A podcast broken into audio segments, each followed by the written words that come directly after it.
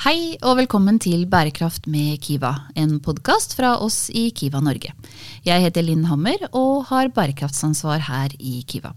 Og i dag så er jeg så heldig å ha med meg Kjetil Myhre, som er leder i Norsk Stålforbund. Velkommen. Tusen takk. Um, først Kjetil, så hadde jeg lyst til å spørre deg, hva er egentlig stål laget av? Stål består hovedsakelig av jern Ja. og legeringselementer som karbon og andre elementer. Mm. Ja. Og så kan det lages for ulike typer bruk.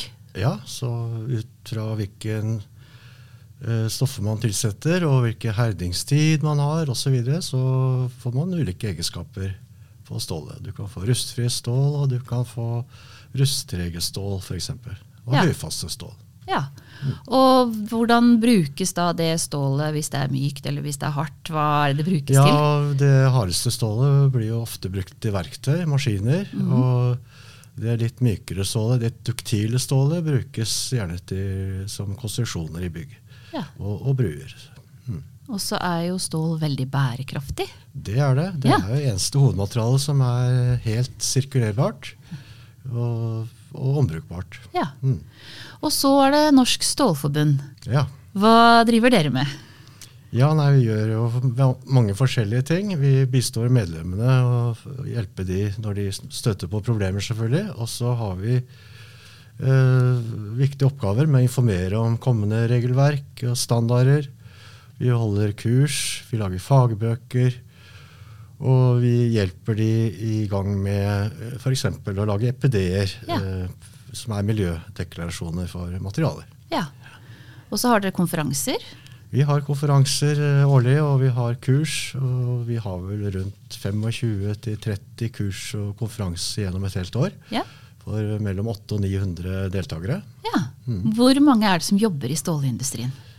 Ja, det er vanskelig å si nøyaktig tall. Vi Mm. har 260 medlemmer, og vi, vi regner jo at det må være godt over 100 000 som er involvert direkte eller indirekte i, blant våre medlemmer i, i stålindustrien. Ja, For da er det hele verdikjeden. Det er Ja. liksom alt fra arkitekten kanskje til de som lager det. Og Ja, da kan det bli enda flere, faktisk. Ja. Men hvis vi tar våre medlemmer, så består jo det av de som selger stål, selger maling, skruer, festemidler.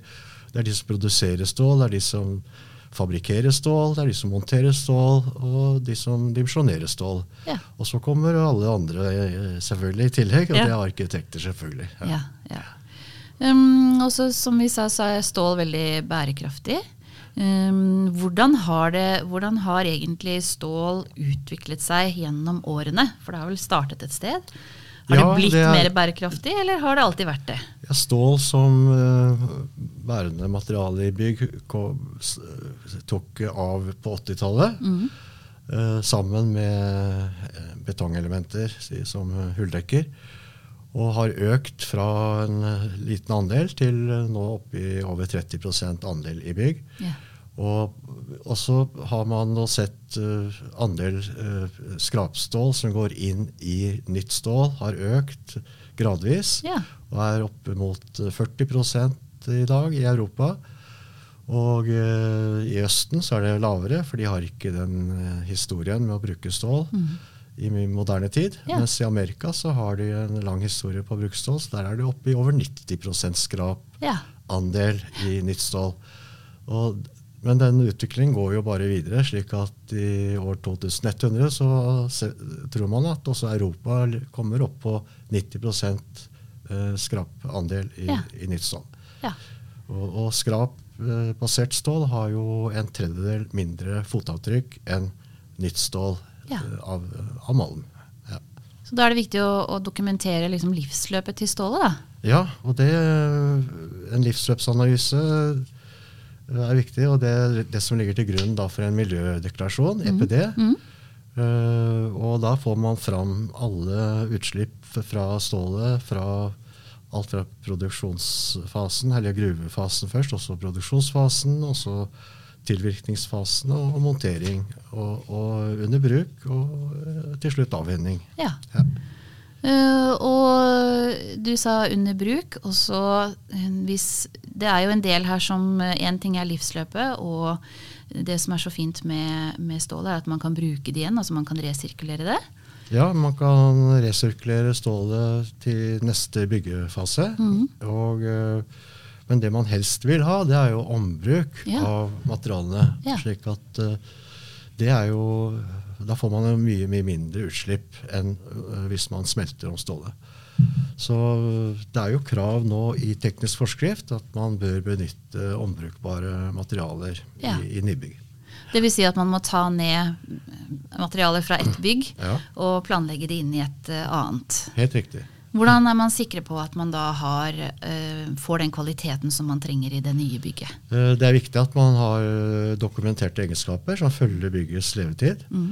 Slik at den dagen man eh, demonterer, så vet man nøyaktig hva slags egenskaper eh, materialene har. Ja. Når man da skal dimensjonere for et nytt bygg. Ja. Eh, Bruker man gamle materialer hvor man ikke har dokumentasjon, så må man teste stålet. Ja. Og Der er jo Kiva en viktig aktør og medspiller for oss. Det å- teste stålet destruktivt og ikke destruktivt. Ja. Er det noen standarder eller noen veiledere som, som er blitt laget i forbindelse med å kunne bruke det på nytt? Ja, nå har jo flere rapporter kommet til de siste årene.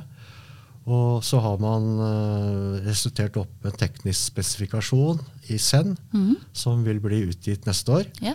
Og der er det metoder for eh, hvordan man skal behandle ulike typer gammelstål.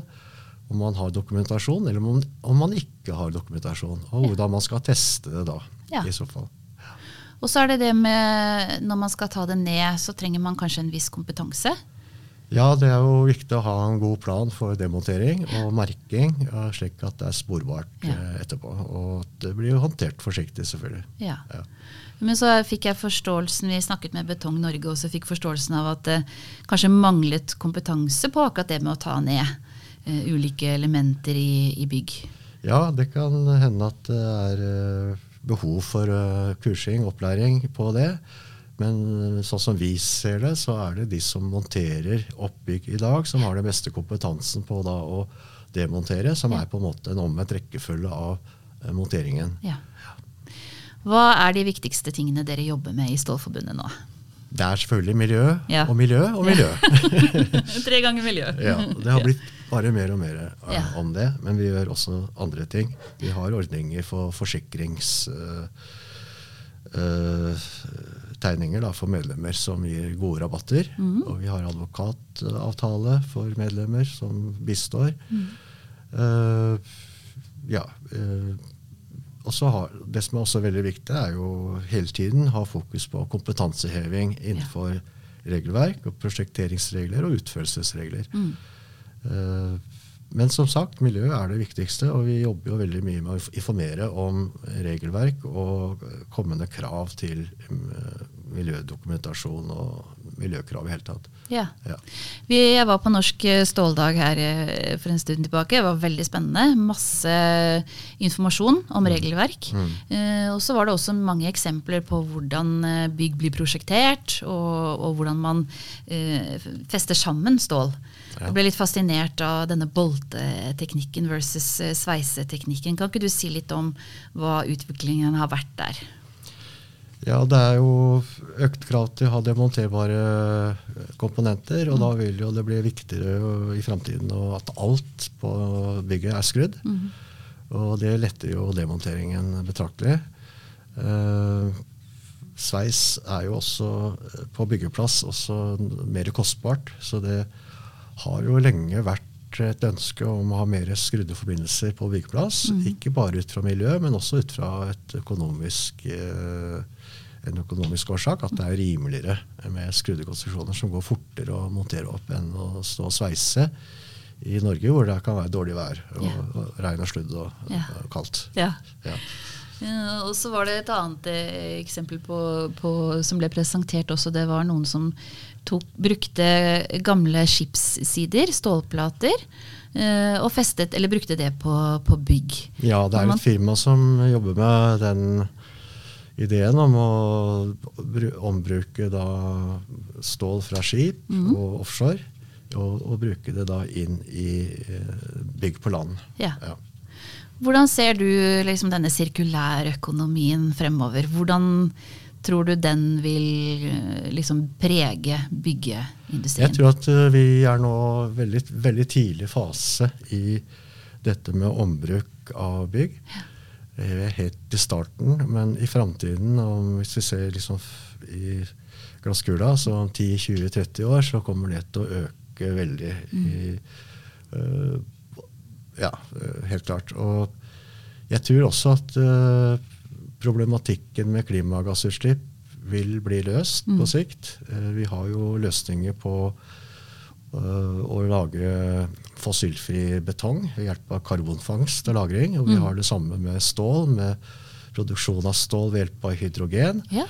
Og det er jo på vei nå. og Pilotprosjekter har blitt gjennomført, og det er blitt bevist at det lar seg gjøre. og det rulles nå ut uh, flere anlegg som tar denne teknologien i bruk. Ja.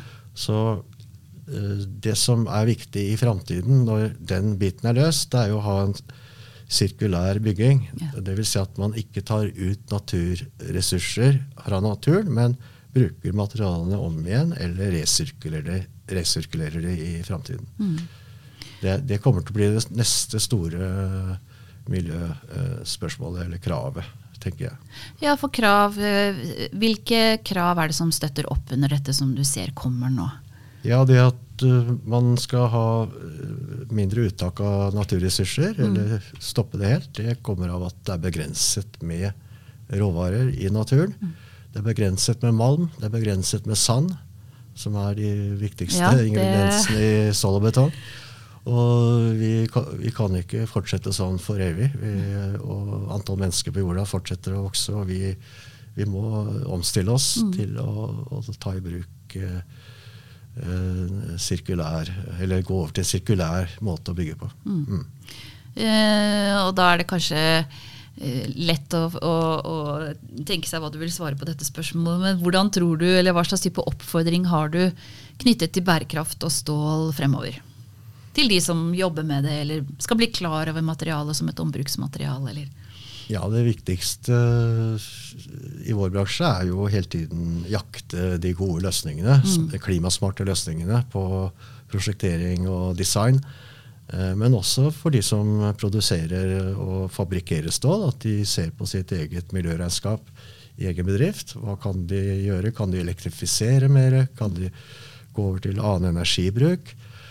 Og fordi det vil også bli veldig viktig i framtiden, det er å også se på de mindre energiutslipp, eller unnskyld, fossil, uh, fossile utslipp mm. framover. Ikke mm. bare de store, for de, vil, de, er i ferd med å bli løst. Og da må man også se på de noe mindre utslippene ja. som hver, hvert medlem står for. Ja.